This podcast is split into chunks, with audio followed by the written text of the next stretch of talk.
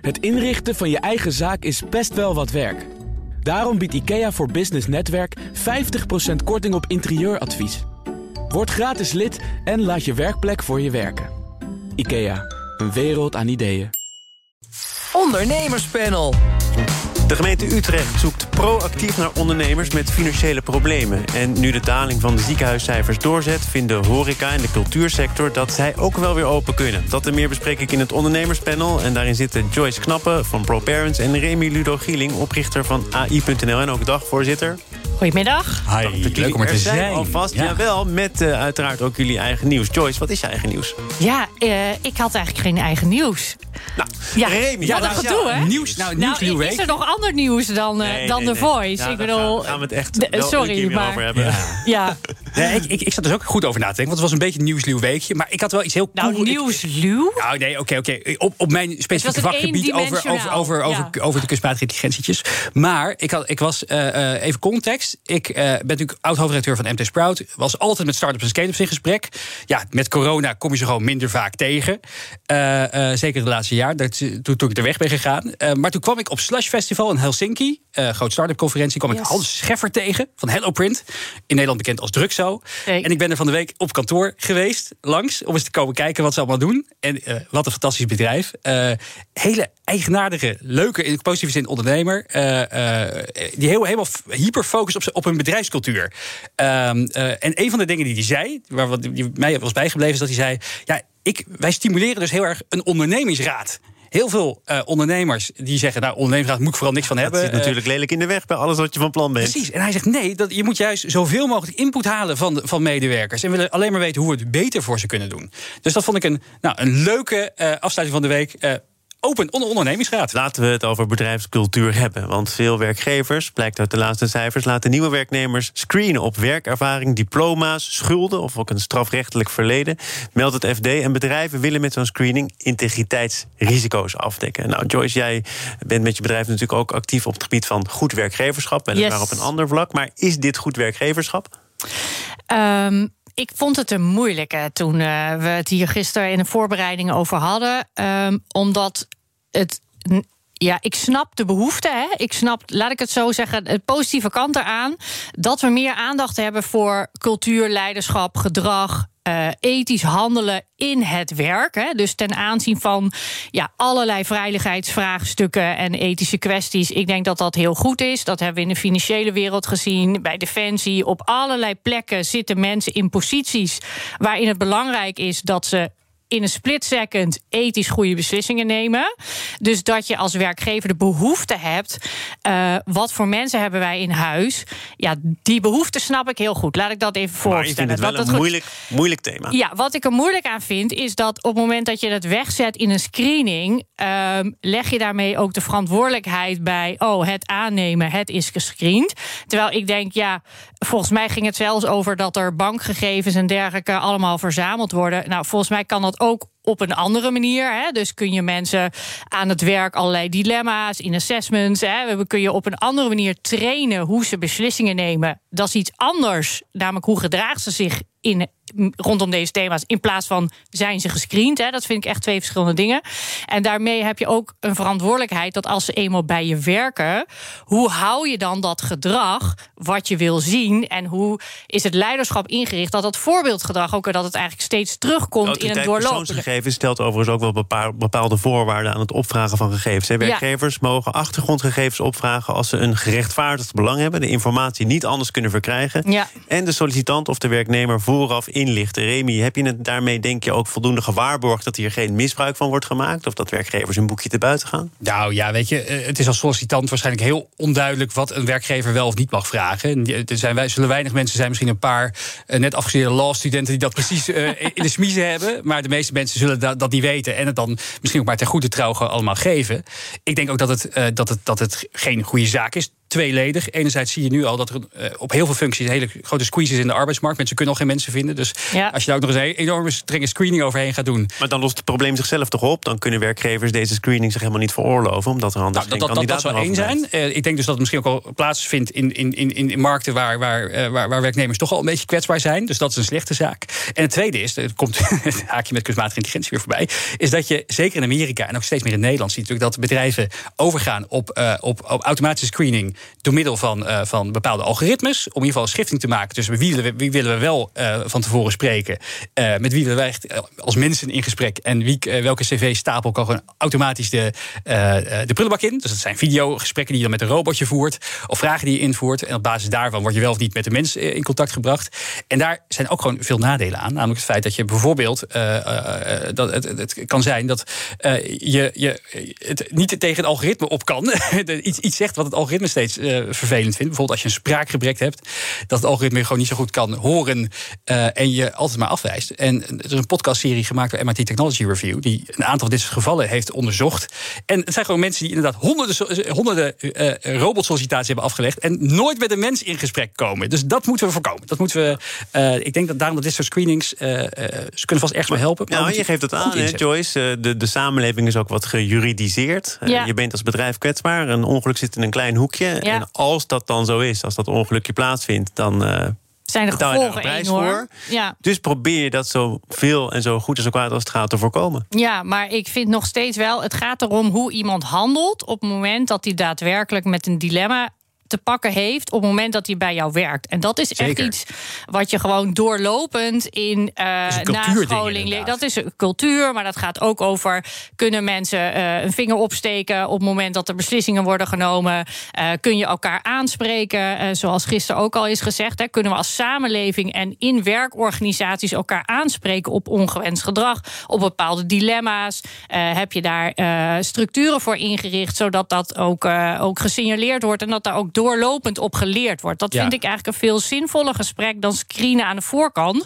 Want daarmee wek je de suggestie alsof het daarna klaar Nou, je is. screent niet alleen aan de voorkant. Hè. Het idee is juist ook dat werknemers die al een tijdje aan het eh, bedrijf eh, verbonden zijn, ook gescreend worden. Want zeggen die screeningbedrijven ook in het FD, iemand kan een echtscheiding achter de rug hebben Ja. of een paar promoties zijn misgelopen. En dat kan ook effect hebben op het handelen van zo iemand. Nee, dat Dus klopt. het is niet zo dat als je eenmaal binnen bent, dat je dan gevrijwaard wordt van de screening. Nee, dat klopt. Maar screenen is nog steeds iets anders dan leren hoe wij elkaar gedragen en hoe we elkaar aanspreken op een gedrag en bepaalde beslissingen. Dat vind ik echt wel twee verschillende dingen. Ja, ik snap ook heel goed dat die screeningbedrijven zeggen dat het heel noodzakelijk is. Ja, zeer noodzakelijk. Wij van WC 1 te Nou, gaan het is niet alleen dat, dat ze dat zeggen, is misschien eh, vanuit hun eigen belang te verklaren. Maar het feit dat er meer gescreend wordt, dat staat dan toch vast, lijkt me.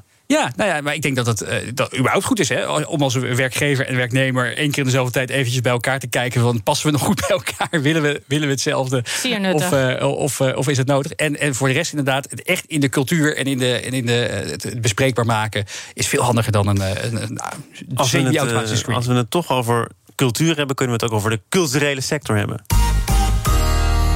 BNR Nieuwsradio. Zaken doen. Thomas van Zeil. Het ondernemerspanel is de gast met Joyce Knappen en Remy Ludo Gieling. Eh, is er een van jullie nog eh, naar de kapper geweest, Remy, in een theater? Ja, dat Ik kan zit je zien, te kijken. Misschien de sportschool dan in een museum. Nee, ik heb geprobeerd een afspraak te maken, maar ik moet toch ernstig lang wachten. Ja, nee, maar je had dus nu ook een knipbeurt kunnen beleven in de kleine komedie of concertgebouw of op andere mooie culturele plekken. Eh, niet gegaan. Nee. Wel begrip voor de actie. Ehm, ja, ja en nee. Zeker. Natuurlijk gaat deze sector van zich laten horen. Dat ze dat doen op een creatieve, ludieke manier, denk ik. Ook hè, invoelbaar. Ehm, ik moet wel eerlijk zeggen, het verraste mij enigszins. Omdat wij hebben hier, nou, volgens mij twee jaar geleden, eh, in het begin van de, de coronacrisis, het over gehad. Waarin eh, ook de cultuursector vooral heel erg zei: nee, concerten of eh, theater, dat is intiem, moet je met elkaar beleven. En toen heb ik de vraag gesteld: Goh, kun je niet innoveren? Kun je niet binnen een voorstelling en dan op een scherm en dan buiten stoeltjes of streamen of allerlei andere creatieve manieren? Nou, dus ik vind het eigenlijk jammer dat we ze al anderhalf, twee jaar geen. Uh, creatieve dus initiatieven hebben gezien. streamingdiensten zijn natuurlijk ook wel ontploft. Hè? Ook uh, als je Klopt. kijkt naar wat er op cultureel vlak allemaal op het beeldscherm is verschenen. Maar ik kan me voorstellen dat uh, niet alleen je financiële reserves, maar ook je geduld wel op is als andere delen van de samenleving zonder Snap pardon weer ik. open gaan. Helemaal invoelbaar, uiteraard. En ik, maar ik had het eerder verwacht. Ik had ze ook eerder gegund, omdat ik ook denk dat er meer mogelijkheden zijn. Dus in die zin, ik, weet- was aangenaam verrast. Maar ja, ook wel dat ik dacht van. Ik weet niet hoe, in hoeverre ze, die mogelijkheden er, er, er wettelijk zijn dan. Hè? Dus ik, heb, ik heb vorig jaar een keer een, eh, een, eh, een voorstelling van Dolf Jansen gehad... in, eh, in, eh, buiten eh, in het pleintje bij Singerlaren. Dat was bijvoorbeeld heel leuk. Dat, was, dat mocht ook. En eh, het was een beetje koud, maar het was wel een leuke oplossing. Ja. Eh, om, om zo toch een theaterstuk te kunnen uitvoeren. Ik weet niet hoe dat nu zit. Of, of, of, of er ook wordt gezegd van... eh, van de, je mag als, als, als Rijksmuseum wel een tentoonstelling voor de deur of zo organiseren. Nou, we hebben nu natuurlijk wel op dit moment eh, de ruggensteun van die burgemeesters, die nieuw is voor deze sectoren. Die in een Ja. brief hebben gezegd: eh, het moet echt fundamenteel anders. Onderwijs moet altijd open kunnen. Publieke voorzieningen moeten eigenlijk altijd open kunnen. Die schragen onze samenleving. En dan moeten we maar zorgen dat de gezondheidsdienst, eh, de gezondheidszorg op zo'n manier wordt ingericht dat dat kan. Eh, en dan hebben we dan ook nog van vandaag de staatssecretaris van Cultuur die de vraag krijgt: moet het allemaal open? Ja, nu. Dus dinsdag versoepelen? Ja, zeker.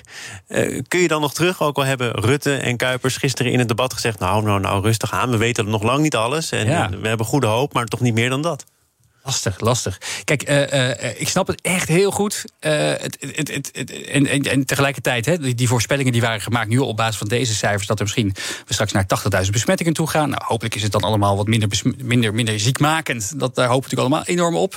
Maar ja, als straks eh, per week eh 1, anderhalf miljoen mensen toch, toch in quarantaine thuis moeten zitten, dan wordt het natuurlijk wel lastig om de supermarktjes een beetje gevuld te houden. En de, en de CBL waarschuwt daarvoor. De branchevereniging Ja. KLM heeft vluchten geschrapt omdat het allemaal niet meer rond te rekenen was in dus de is- roosters. het is- Mijn kinderen hebben deze week al thuis gezeten met een rooster met eh, zeg maar zeven rode vakjes, namelijk uitgevallen. Oh, en alleen ja. beeldend eh, smiddags om één uur, één uur. Hè. Dus ja, Hmm. dacht ik, dat is natuurlijk ook niet meer te switchen hè, van online naar offline als je dan voor één les wel op en neer moet. Hè. Dus ja, ik, ik, eh, ziek en in quarantaine, ook al niet ziekenhuisziek, hè, is nog steeds ontwrichtend voor de samenleving op allerlei onderdelen. Dus dat hè. is lastig. Hè? Want ja. ik, ik snap heel goed dat, dat, dat we open willen. En, Ja. eh, en, en, en dat het inderdaad ook, ook heel vervelend voelt dat de Dan wel, wel lekker eh, op zaterdag eh, volstroomt en, eh, en het concertgebouw niet. Ja, ik, ik, ik denk dat we gewoon even, heel eventjes moeten kijken van hoe gaan die, hoe, hoe als die besmettingen zo omhoog gaan, wat voor effect heeft dat? Ehm, ehm, eh, maar ik heb, ja, laten we hopen dat het, dat het daarna ook gewoon wel weer. Ja, er zijn, er zijn ondernemers, en jullie kennen ze ongetwijfeld ook, voor wie het nu al veel te lang genoeg eh, veel te lang heeft geduurd. De gemeente Utrecht zoekt proactief naar ondernemers met financiële problemen. Vanwege schaamte of onzekerheid kloppen met name kleine ondernemers met financiële problemen vaak niet zelf aan bij hulpinstanties. Dus komt nu de gemeente Utrecht over de brug. Mijn gemeente, jee. En, eh, kennen ze je al bij het loket? Nog niet, maar ik zal ze een aanvraag indienen. Nou, eh, nou, dat is waarschijnlijk in jouw geval niet nodig. Maar er is denk ik wel wat voor nodig om, om de stap te overwinnen en hulp te vragen. Ook Absoluut. bij de gemeente. Nee, zeker. Wij, eh, jij, jij, kent voor mij haar ook goed. Eh, Jacqueline Zuidweg van Zuidweg en Partners is hier vaak eh, te gast geweest in het, in het verleden. We hebben vaak met haar samengewerkt erop, bij, bij, bij Sprout Magazine destijds nog. Specialist op het gebied van schuldhulpverlening. ja, dank- ja, precies, dat is het. En zij, zij helpt dus echt al, al, al sinds jaar en dag ondernemers met, met, met die, die, die in de school zitten of nou, een beetje daar tegenaan zitten te hikken.